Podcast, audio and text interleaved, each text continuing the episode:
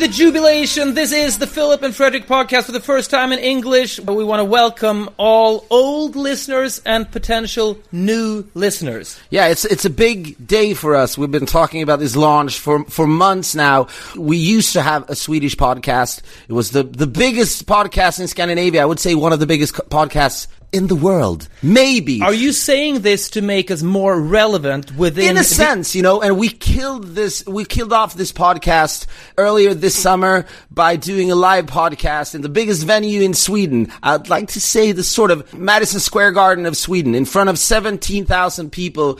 We were sitting at a table talking about stuff and it was sort of the crowning moment of our Swedish podcast. And we felt like now it's time to move on. And this is the result of that feeling. This is the first time ever we actually record something together in English. I want to stress also that this is a very peculiar geographical situation because we started out, we wanted to, to record this podcast sitting facing each other like we normally do, but we couldn't stand the slightly awkward feeling of speaking in a foreign tongue whilst sitting facing each other. So we're now in different hotel rooms using Skype to be able to do this within a non-embarrassing environment. Most of the year, I'm actually in, in Los Angeles where I reside, where uh, uh, while you reside in Stockholm. But at this uh, very moment, I'm also in Sweden, so we could sit opposite each other. But now we've decided to be in different rooms uh, instead. I don't know how important and interesting that is for you. What's really important is that we will try to entertain you guys for approximately 50 minutes or so when this uh, podcast started. You heard the intro. It's an old favorite of ours. It's a Black Grape song. And I'm a little bit scared that if we keep on using that one, someone from their record company will knock on our door and tell us to pay up. And we don't have that kind of money. And we always like to, to interact with our listeners. So, uh, please send us, uh, your own opening intros to us. I think it should should involve uh, the the words Filip and Fredrik. Maybe Thursday because that's the day our our podcast will be released every Thursday. Something else, maybe the word podcast. You know, whatever. Just just use your imagination. Email the thing to the email address podcast at podff.com and we'll be able to use that in a very modern fashion. I feel that we should just kick this thing off right away. I, I, we haven't really spoken in a while. It's been, you know, we've been having some time off and everything. So, uh, I want to talk about the highs and lows of the summer. Personally, my high was watching a photo in, I think, the, the British tabloid, the Daily Mail, a couple of days It's ago. a terrible newspaper. I know that, but, you know, the picture was there. What can I do? All the people working at Daily Mail should should be put on death row. You think so? They should. Should they even have a trial, or should they just? Someone, no, no, no, no. Someone should just, you know, come to their office and just, just arrest them for being terrible human beings. We all know that things are bad in the Ukraine. Poverty, war, a lot of, a lot of. I don't know if there's so much poverty really. That's the, there's a war going on. That's how you, at this point in, in time, how you describe Ukraine. Well, you can stay away from the poverty, maybe. Okay. I saw five or six pictures of young men, possibly drunk. I have no idea. If you look at pictures from Ukraine, there's like a 86% chance that alcohol is involved. And on these pictures, you see that these young men have transformed their apartment into one big swimming pool by using just plastic film. The simplest way possible of getting cooled down without having to leave your apartment. You just put plastic on the floor, up against the walls, and then just get the tap running with ice cold water and just let it run for hours. I saw these pictures as well, and it, they, they were really endearing. It proves to us that even though a lot of bad things are going on in a country or in a society, people still need to entertain themselves. People still need to be inventive, you know? So it reminds me of this movie.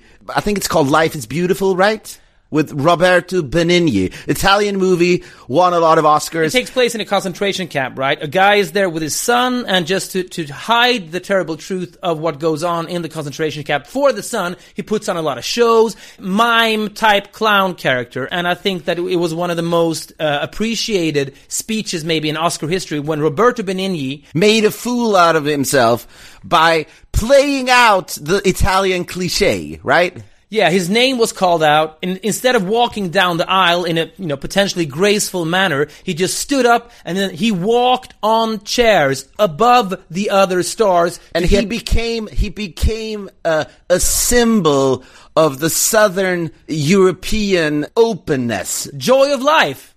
And also, I, I think that uh, this preceded the movie and book, I think, Eat, Pray, Love by a good 10 years or so. But already there, people were started dreaming about, I need to go to Italy. We need to go there for that Southern European. Everyone is like Roberto Benigni. if you just go to Europe, you're going to meet all these fascinating, colorful characters. if you want to, if you want to buy an espresso in Rome, you just walk on people's heads. Everyone is like carrying you. Isn't like that that music video with REM? You know, Drive. Yeah, when Michael Stipe is just gliding on top of people, right? So that's how you order an espresso in Italy. you just You're just gliding to the counter. You just use people's heads as means of transportation. It's, it's incredible. that's Italy for you. Somebody said that Roberto Benigni's walk on chairs towards the stage when he uh, was accepting his Oscar, that was at the beginning of that 25 second walk, it was incredible, but before he had even reached the stage, the backlash had set in. But it's a bit contra- you're a bit contradictory here because at the same time you said that it, it sort of preceded uh, Eat, Pray, and Love and that whole phenomena, right?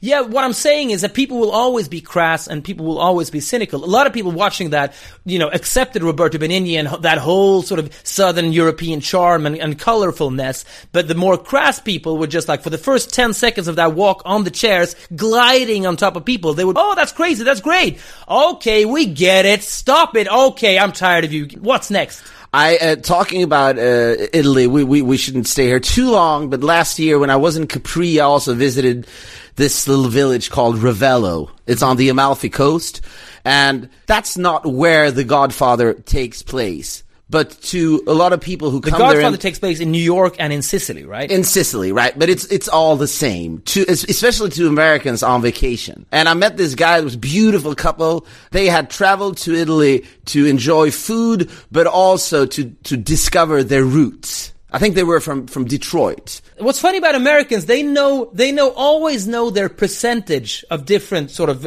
cultures. I'm one, I'm one sixteenth Indian, one sixteenth Greek, one eighth Russian. They all know that.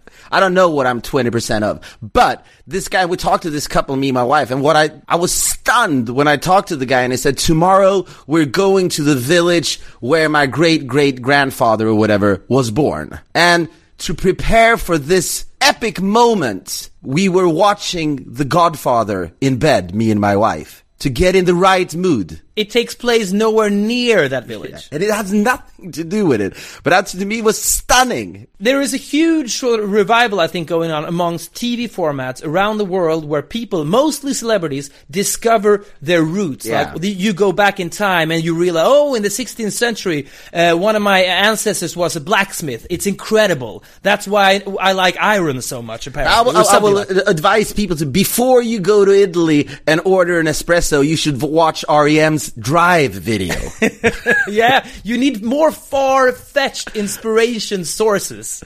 well, but that's it. But but but as you said, it's beautiful to see that even though terrible things are happening in Ukraine, people still need to have fun, you know. So that's that's a. I'd like to see the documentary about that uh, apartment and how they just filled it up. Uh, what strikes me now is that even though you make fun of Americans going to Italy, watching The Godfather to prepare uh, uh, for the epic moment of seeing their ancestors' village, which uh, is nowhere near Sicily or whatever.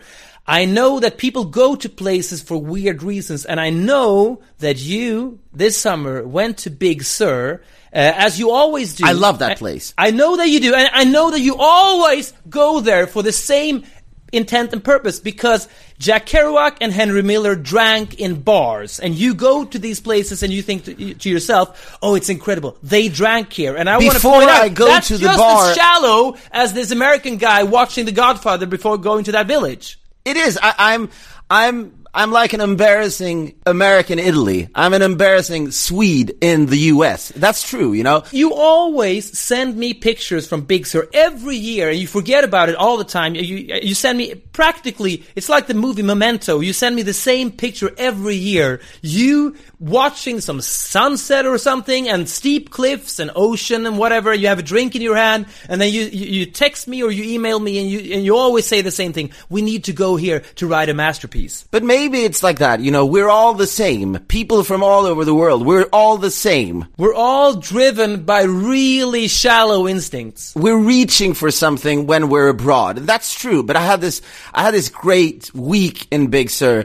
And for people who don't know where Big Sur is, so it's situated just in between Los Angeles and, and San Francisco, uh, on the, uh, Highway 1, you know? and it, it's it's it's beautiful, steep cliffs, and it's just you know unreal sunsets. You cannot in a audio format brag about sunsets. You can hardly do it on Instagram, so please don't talk about incredible sunsets. But I'm there for a week and it's great and I, have made some contacts through the years. Mm-hmm. So I'm hanging out with this uh, older man. His name is Jay. Him, I saw you posted a couple of pictures on Instagram. Yeah, he, he's got like Iggy Pop qualities to himself. You know, he's mm-hmm. a chain smoking surfer. He's still 60 years. He has great stories. Nobody uh, appreciates chain smokers more than you. I mean, well, you, you, will always, within the first two sentences, when you're trying to describe a person, you will mention the fact that he or she is a smoker, if that's the case. But people who indulge in life they do bad things. They smoke, they drink, and. But and, how uh, long will smoking be, be considered that kind of a vice? I, you know, I don't know. Let's let's let's forget about that. But anyways, he. I mean, if, if you say something, like he's a heroin addict or he's into morphine. I wish he was, but he's not. but anyway, so he drives me and my wife and my kid up the coast, and it's it's you know it's beautiful, and he talks about all these national parks and everything, and then we pass this bar uh, slash restaurant called Nepenthe, and then he says oh, that's where Jack Kerouac and Henry Miller were drinking all the time. Mm-hmm. And to me, that's the best place in Big Sur. Just because it, it, sort of triggers what we just talked about. You know, mm-hmm. oh, this is a place where smart people go to write stuff, but they also find time to drink and to argue. I could only imagine terribly narcissistic guys, Henry Miller and Jack Kerouac, right? Jack Kerouac, of course, became a hopeless alcoholic and died in 1969. I think living with his mother, and there are footage. There is footage of what him. What is that? Didn't also Marvin Gaye also live with his mother before he died? I think he was killed by his father. I think that a lot of these people that really burn out. He had like a couple of uh, terrible. He, first, he had that whole Motown thing, and then, like a miracle, he came back in the 80s with this song "Sexual Healing." And everyone thought, oh, Marvin is back. But I think, and after that, it was downhill again. He married a prostitute in, in, in Amsterdam and went on like a, maybe a year long bender or something through Europe. And then he was broke and he came back to the States and he moved uh, in at his mother's house. So that's what happens in a sense, obviously. I think that once you really, maybe if you burned out creatively and also uh, financially, of course, and also mentally from all the drugs, it's so comforting to just go back to mama and then be taken care of. But I think then, Marvin Gaye was constantly masturbating. That was the only thing he did for at least two years. Well, maybe there's sort of a Pavlovian thing there because probably he, he masturbated a lot when he was living at home, maybe in his teens, because that's what people but do. It, I, I, feel also sorry for him because this was before the internet era. Mm-hmm. So he must have masturbated to the same magazines all the time. Well, you know, they did come out with new issues every now and then. Yeah, but you could know? you imagine how how much greater if you were like a a, um, a masturbation addict? It's way better to be a masturbation addict today than it was 20 years well, ago. Well, better within quotation marks, of course, because you, you, can easily, I guess, Anthony Kiedis from the Red Hot Chili Peppers, I think, that described the, the hell of being a masturbation addict in the internet era because you could just one more clip, one more clip, and it never ends. Because it's like you when I got to know you in early 90s. You had the same porno movie and one, only one scene, right? I had borrowed that tape from a friend and then just kept it. And there was this one scene that I, well, knew by heart, of course. Yeah. So you, you return to that scene maybe every other day, every other day. That was, that was your Marvin Gaye era. But I think it's interesting that Marvin Gaye, because you've told me this story before, how he became a masturbation addict, if that was even a word at the time. And you, you've always subscribe to the theory that it was it was because of the drugs and everything, but maybe it was due to the fact that he returned to his parents' house and he had so many fond memories of masturbation that he got back into it. Could be. I mean, that's a more exciting uh, way of explaining it. But I think a lot of depressed people masturbate a lot. Anyways, so I'm in Big Sur. I, I wasn't really finished there. And also another thing that's, that he told me, by the way, this Jay guy, is that it's, you know, it's a place where people like to get married in Big Sur. And I heard that this guy, Sean Parker, got married there last year. Sean Parker, he's part owner in Facebook and a lot of other, like, Is he rich still, or because he? but he's he- incredibly rich. Okay, he still is because he, he invested wisely. I think he wisely and stupidly. Never mind. Sean Parker got married there last year, and it was a big ass wedding. He has lots of money, so I think he even he bought like old ancient uh, oak trees in Italy and flew them on a jet to Big Sur. Wait a minute. So I mean, did he cut? Obviously, he cut them down. Well, uh, no, probably not. He didn't. I don't know if he cut them down. It's probably Trees. It, maybe it's like you know when you when you buy your Christmas tree, you get like a cover around it, so the branches are folded. So he, but it, I mean, did he uproot the tree? Oh yeah, he- oh yeah. so he's got he's got a crane going in in Italy, you say? Yeah. And he pulls out these big old oak trees and he flies them Yeah. to a part of the world that also has trees. Yeah, and he replants them there because he wanted. For the purpose of his wedding. yeah, but so that's to get a specific. And I think he had like I don't know who did makeup for Lord of the Rings or something. She did makeup for every visitor. I, I couldn't imagine that one woman did all the makeup. Maybe the whole team. I don't know. Let me just okay. let let me just finish this. So what what do we have? Just to make a little checklist. This is the beginning of the wedding. You haven't even described it No, yet. but I- he, I- so- he flies in trees and he flies in the Lord of the Rings makeup people. Yeah, and, and from what I've heard also, and then he puts limestone. It's like a field, you know, uh, and he puts expensive limestone there so people can dance and they can have dinner because it's in the middle of nowhere. So they sort So of So he creates a floor in on the ground. on the ground. So he creates everything. And early on in this process, someone from, from the, the state says like, you know, we're going to fine you. You can't plant new trees here that the soil is not used to, whatever. And apparently he's fined $12 million and he just writes a check with a smile. so that's okay.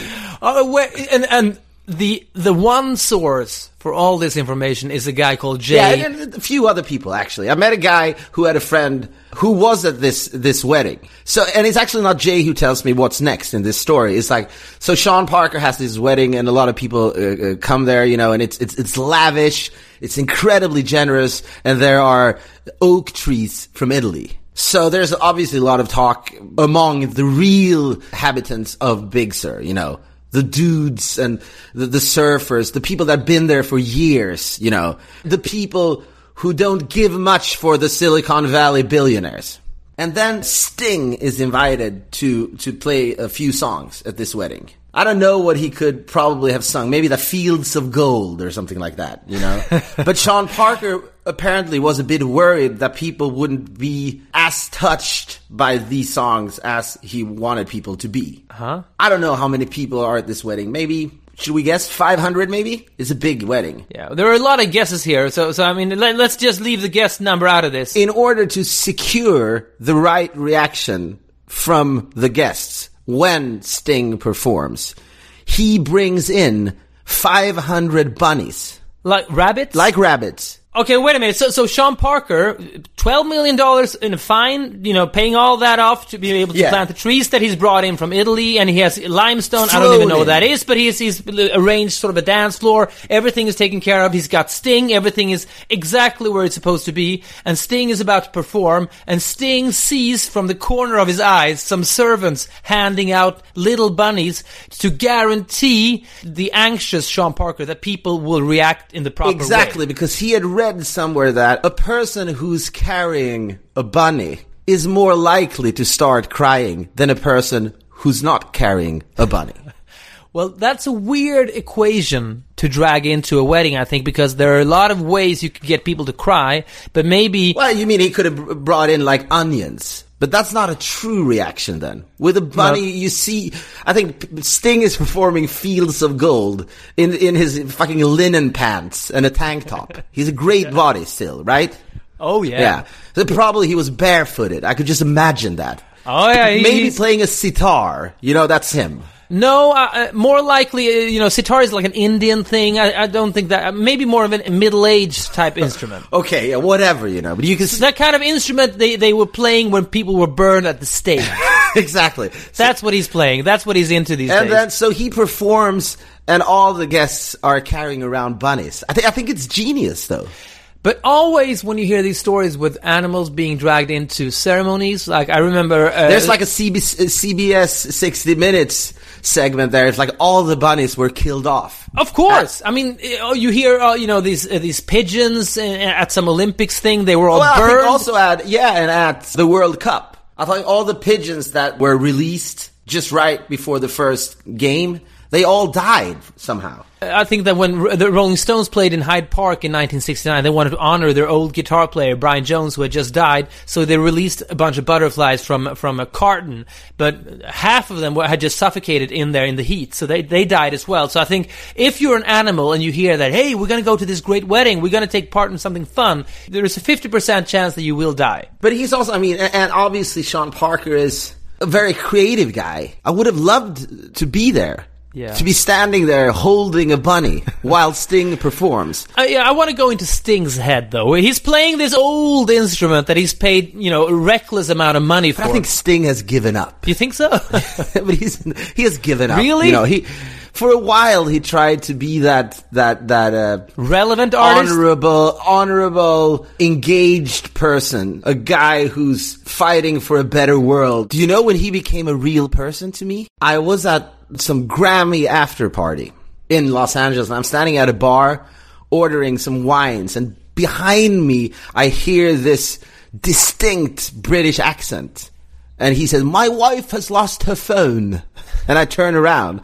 And it was a somewhat drunk Sting walking around in this bar, helping his wife, wh- whatever her name is, Trini or something. Trudy Styler, maybe. Trudy Styler. Here you go. God Yeah. knows he was why I looking know for. Trudy's Trudy's cell phone, and that moment sort of demystified Sting. In a good way, or I don't know. I mean, obviously, Sting also goes to the bathroom. I know that. Sting also does things that normal people do. But it's sometimes harder when when you run into to reality like that, you know. It was so it became so obvious that he wasn't this out of this world type of guy. He's just a, drunk guy whose probably drunk wife had lost her cell phone. But do you think that the the idea you have that Sting doesn't give a fuck about the fact that people are cuddling bunnies just to make sure that they that's feel not really something to his rendition of Field of Dreams or whatever the, the song is called? Is it called Field of Dreams? Yeah, but it's one of those very like Deepak Chopra-ish songs. Yeah. But do you think that now he has given up and he doesn't care about that? I think he's just older now. He, I, I, you know, I've seen ads in like magazines. I don't know if it was like in Vanity Fair or whatever. Join Sting at his wine ranch in, in Tuscany for a weekend. Mm-hmm. That's what he has become. I think he sells way more bottles of wine than records these days. And I just think that he's old. It's soon over, in a sense. And he has realized that. So he sort of runs away with the money now. But you think that the old Sting would have been furious? The Sting of 1988, he's on some amnesty tour with, with Bruce Springsteen and, and uh, Nina Simone, all these people. That Sting would have been furious probably that they hand out bunnies. But at some point, maybe around the time his wife lost her cell phone, Yeah, but that's what I said. I think Sting today, he is more a guy whose wife loses her phone. What a way to define than a a guy who has sex for 16 uh, hours. Who are you? Well, I'm a guy whose wife loses. He's probably not that good at texting, you know, No. I think technology has made him depressed. That's why. That's in why a he sense. leans towards all those in, old instruments, like burning at the stake music, collecting vintage harpsichords from way back. so, so for him, I think just get this over with, you know, when he's at Sean Parker's wedding maybe the bunnies to Sting's music is what Viagra could be for his sex life. A little supplement, make, you know, just to, to hammer it home. Maybe!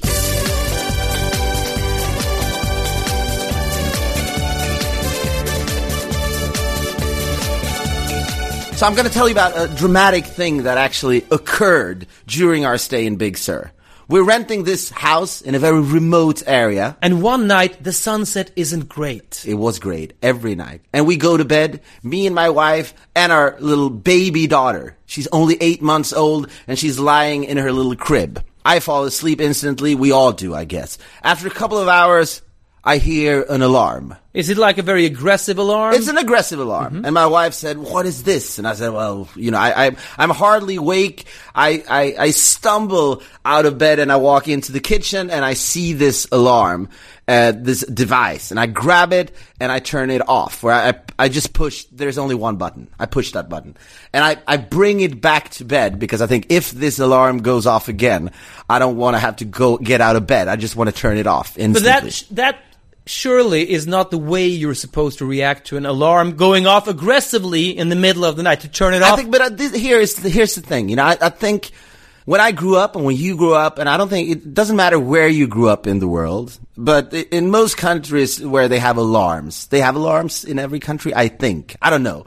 but when we grew up uh, and you you went to school, they always informed you in in advance, like on Tuesday we will be testing the alarm. In the school. When the alarm goes off, you just slowly walk out to the schoolyard. in an orderly fashion. Yeah, that has been my relationship to alarms. Or at least that sort of created my relationship to alarms. Alarms to you is something you, you prepare for. Yeah, Exactly. Alarms are not alarms. alarms are just Alarms uh, uh, are to you not a spontaneous thing that occurs aggressively in the middle of the night indicating danger. alarms are just a preparation for a real alarm. you get it? That sounds So- almost existential to me. Uh, so they can never be real. It's always a preparation. So when this alarm goes off, nothing in my system tells me like, oh, danger. This is nothing dangerous. It's just, it's just an alarm. It's just an alarm. So your gut reaction is not that it indicates danger, it's that something is wrong with the alarm and that's why the alarm goes off. Exactly. If, if an alarm goes off, there's something wrong with the alarm. but you get it, right? Yeah, because I know you, and I, it, this seems. I, I also know the drowsy Filip, the, Yeah. the guy So- who, just stumbles out of bed and goes, you know, the path of least resistance. There is something, you know, lying on the floor, uh, you know, blinking and sounding. It's way easier to assume that something is wrong with the alarm than I have to, than you know, the fact that I had, have to evacuate the building with my wife and daughter. So I go back to bed carrying this device, and my wife asks me, you know, what was it? I said, it's just, it's just the alarm. But what was the alarm indicate? Do you know? Do you, uh, was it like a, a fire alarm or was it? no, it was this carbon monoxide alarm. You know, if, if there's a gas leak or something. So I fall asleep again, and after like 12 minutes, it goes off again. And she says, like, are you sure there's nothing wrong? And I say, like, yeah, I'll, I'll, I'll check, you know. So I, I, I stumble out of bed again, and I go straight into the, uh, to the bathroom, basically taking a shit. And I'm leaving the alarm on the, on, on the, on the sink, and I'm not thinking more about that. I start checking, you know, Instagram, Facebook, whatever. And I sit there for maybe 20 minutes, and in the end, my wife comes up, opens the door, and says, "What are you doing? We have our baby daughter in here, and it's it's a potential gas leak." She panics, and we actually we, we start packing all our stuff. She forces me to pack all the stuff and we, we leave in the early morning, you know, mm-hmm. and I, I email the owner of the house and I said, and I write like, well, so, so the alarm went off. I guess there's something wrong with the alarm. and she responds instantly, wow, I'll send someone over straight away. If there's a gas leak, it's really dangerous. And then she, she emails me again a couple of hours later and she tells me there, there was actually a gas leak. And if we had stayed in the house for maybe three or four more hours, all three of us would have been dead. Are you sure about this? I'm sure. But, you know, one thing, it won't change my relationship to alarms.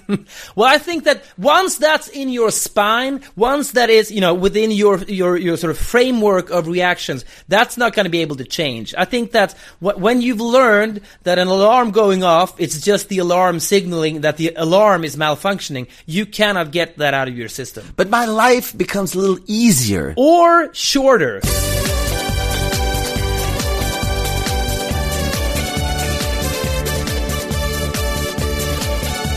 I was watching the, the, the World Cup quite closely, and I know you did as well. Surprisingly, yeah. I, I didn't expect to, but I, I just got sucked into it. Yeah, it, it was a great great tournament, and while I don't know for what reason, but I've always had a hard time enjoying German football and also embracing the team. I don't know why. It's such a fucking cliche not to like the Germans, I think. It's terrible. But still, I was watching throughout the tournament, and, and for some reason, I think I saw in the stands, there were always, you know, they, they panned to their girlfriends, you know? And I, uh, I looked at that and I noticed, oh, well, they have a lot of, you know, beautiful girlfriends.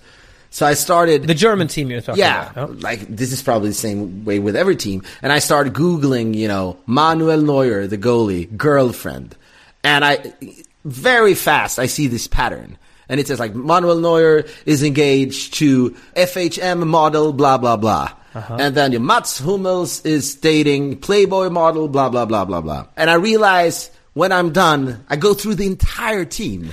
This is, I mean, this is weird behavior even for you. You're Googling the entire German But it's because I'm irritated with them p- Yeah. for some reason, you know. So, so what awakens your irritation is the fact that you sort of suspect that there is a, a common thread here. Yeah, a shallowness. Couldn't someone surprise me by having this untypical girlfriend? So I go through the entire team, and 17 out of 23 are dating models.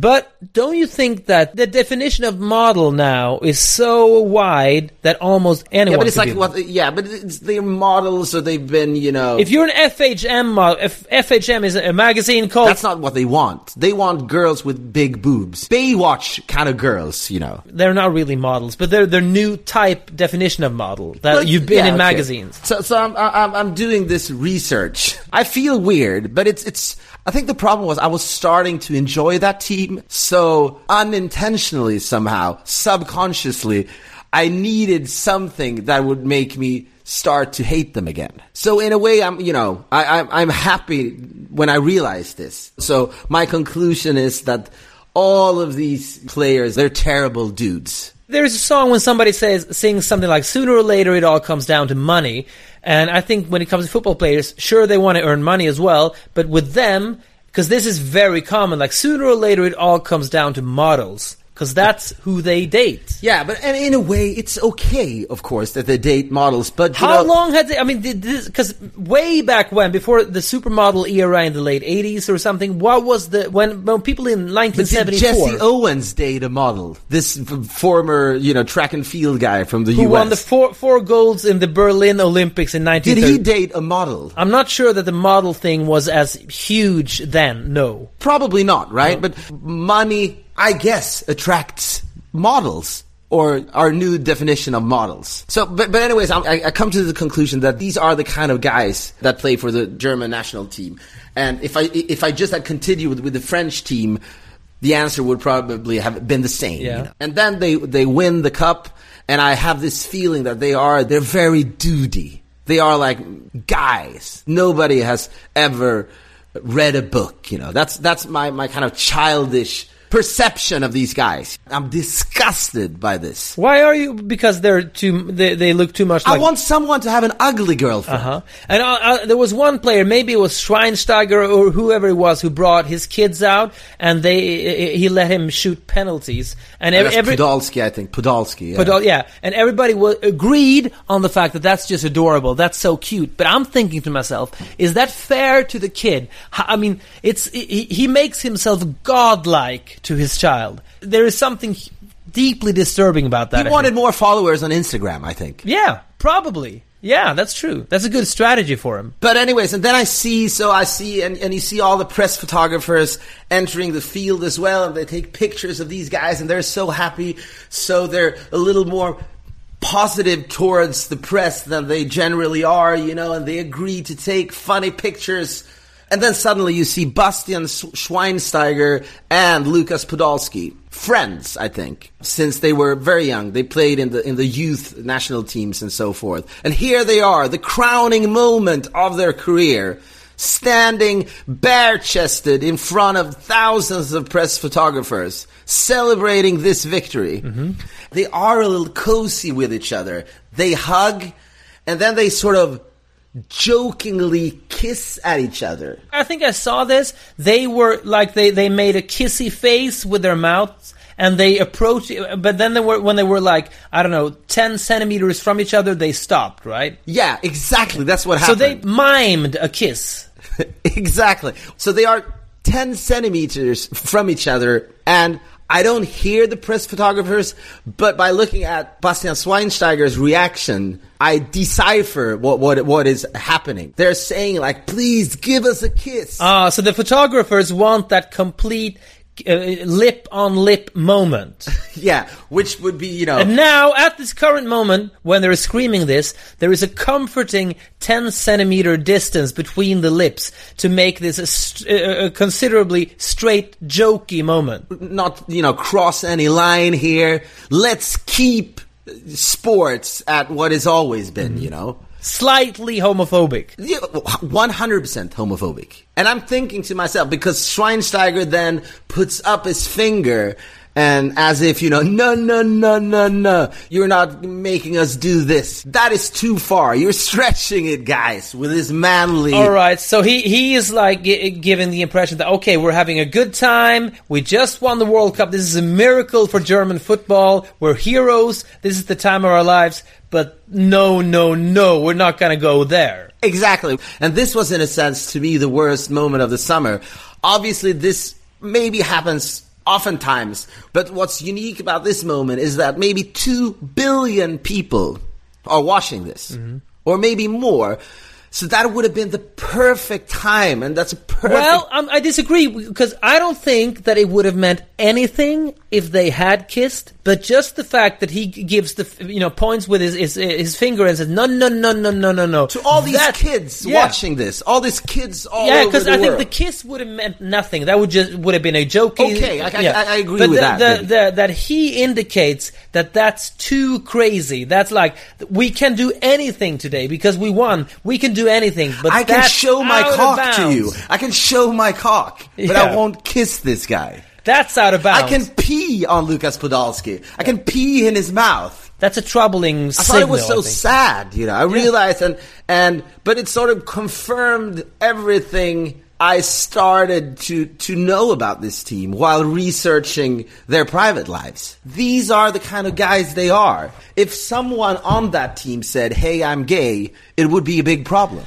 Well, now you're going into a generalization that I'm not really, you know, interested in because, of course, you're going to think that football players are shallow. There may be exception to that rule, and those get written about heavily. Oh, he read a book. Why He's did into he put up that finger? Why was yeah, it that's so important? the thing. I'm way more interested in that finger and that reaction. And no, no, no, He no, sort of no. kept his composure there in a sense. Like, "Ha, ha, no, no, no, no.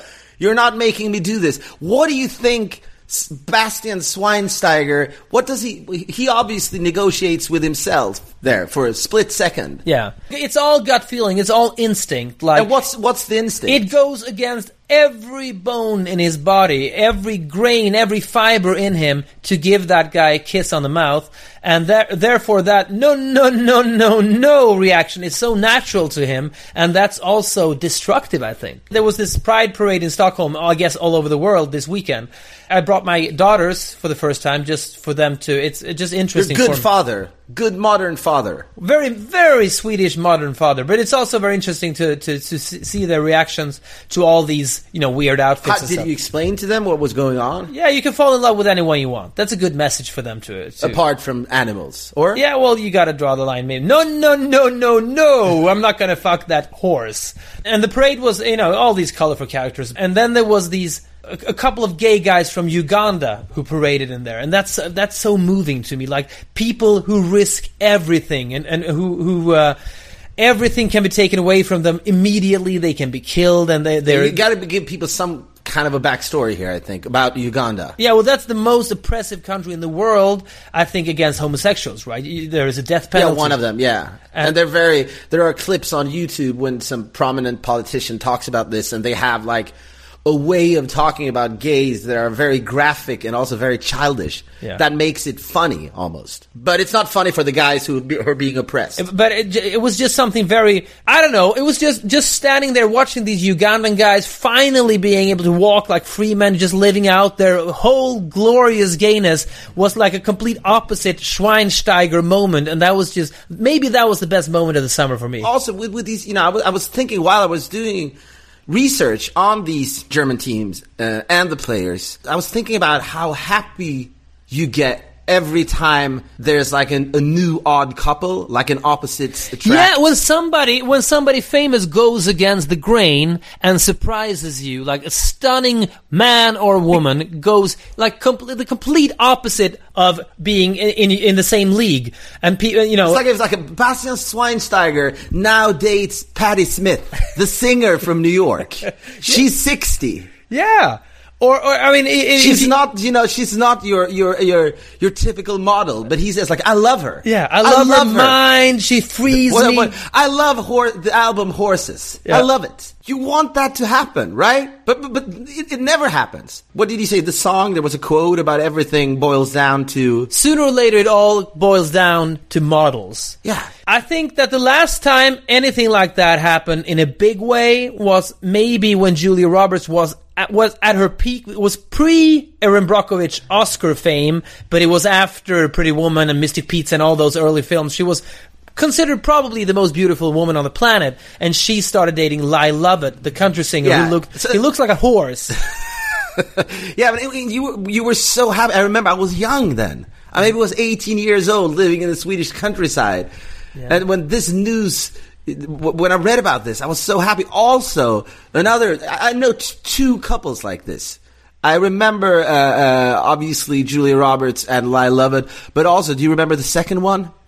Uh, let me guess, because I think we may have written about this. The mid-European singer Sandra, who started dating her producer Michael Cretu. No, he was good looking. The Romanian No, he looked, guy. he looked right? like a complete fool. What I'm thinking of is when Ted Danson suddenly started dating Whoopi Goldberg. Yeah, That was a somewhat odd thing as well, because he was considered one of the hottest actors. I mean, he he portrayed Sam Malone uh, in in the sitcom Cheers, and his character at least was a, a huge womanizer and a and a sex symbol. I think that even though there were uh, hair plug stories and stuff, he was still considered a major sex symbol. And Whoopi Goldberg was considered mere, more of an oddity, I think. Yeah, she's acquired taste at least. Yeah. And, and, and, and, you know, and, and people embraced the couple, but they also embraced Ted Danson like they embraced Julia Roberts. Yeah. When that happened. But that would never happen with the German soccer players. I don't know if we should blame them. You know, I'm, I'm, I'm also surprised you're, you're reading whatever gossip sites you, you, you, I occasionally surf into. And I've realized that all these, in a sense, acclaimed young actors in Hollywood, like Leonardo DiCaprio and, and um, Orlando Bloom, or, you know, they're all vacationing at Ibiza. Mm-hmm. That also makes me irritated. Why do you go to Ibiza? I want them to go somewhere else. I want them to go to, you know, to Jordan to check out Petra, to go to to Egypt, go on a cruise on the Nile River, learning something about the world. Why on earth? He has this aura. Leonardo DiCaprio has this world-saving aura. He is now where Sting was in 1988. That's where he wants to be, at least. You know, he, he's got this amnesty or and and He's and saving uh, sa- tigers. He's saving Yeah. tigers. Yeah. from going all over the world, you can learn various things.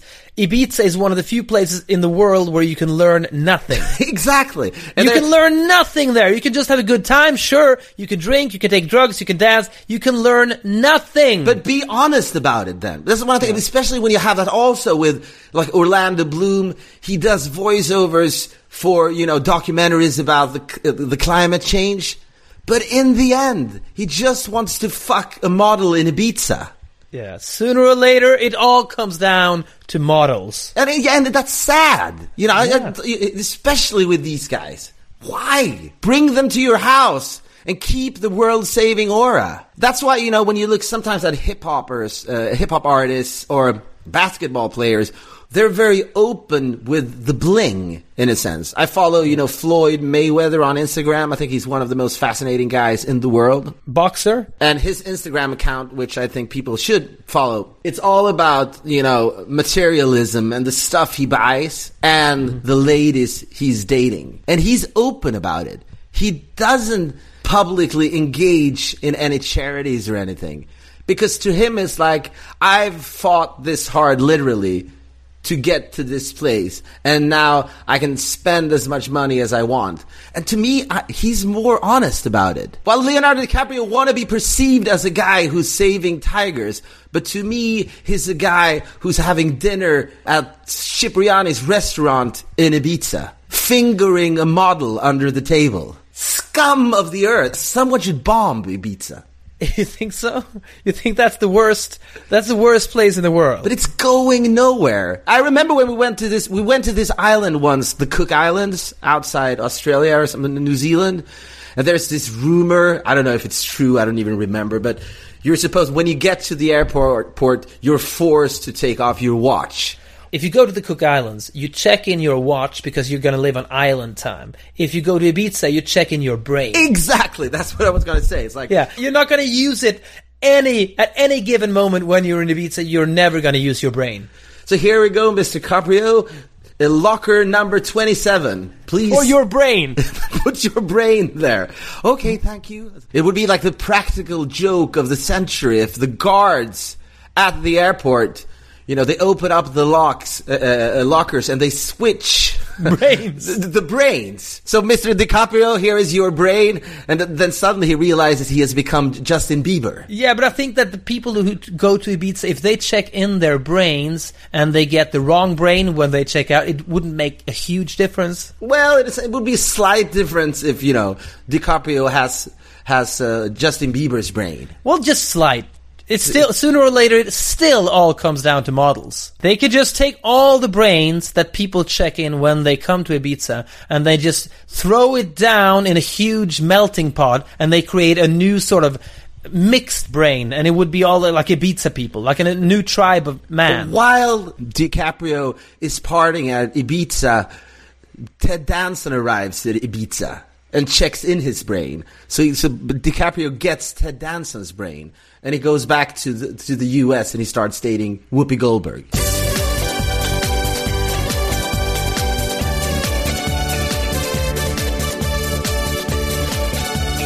So, this has been the first episode of the English speaking Filip and Fredrik podcast. I'm very excited about this. Hopefully, uh, a lot of the old listeners will stay put and accept that we may advance and become even better at this within a couple of episodes. Who knows? But it's been. Feels like I'm, feels a bit like I'm relaunching my career here or burying it. Maybe, who knows? But if the alarm bell goes off in your head, Filip, you know that it's just the alarm. You can tweet us at the hashtag PodFF, or you can email us at podcast at podff.com. What about my new, I, am also on Twitter. I just yeah, entered. I, I, it's exciting to me that you're like the last person on, on earth on Twitter, and your, your name is PodFF.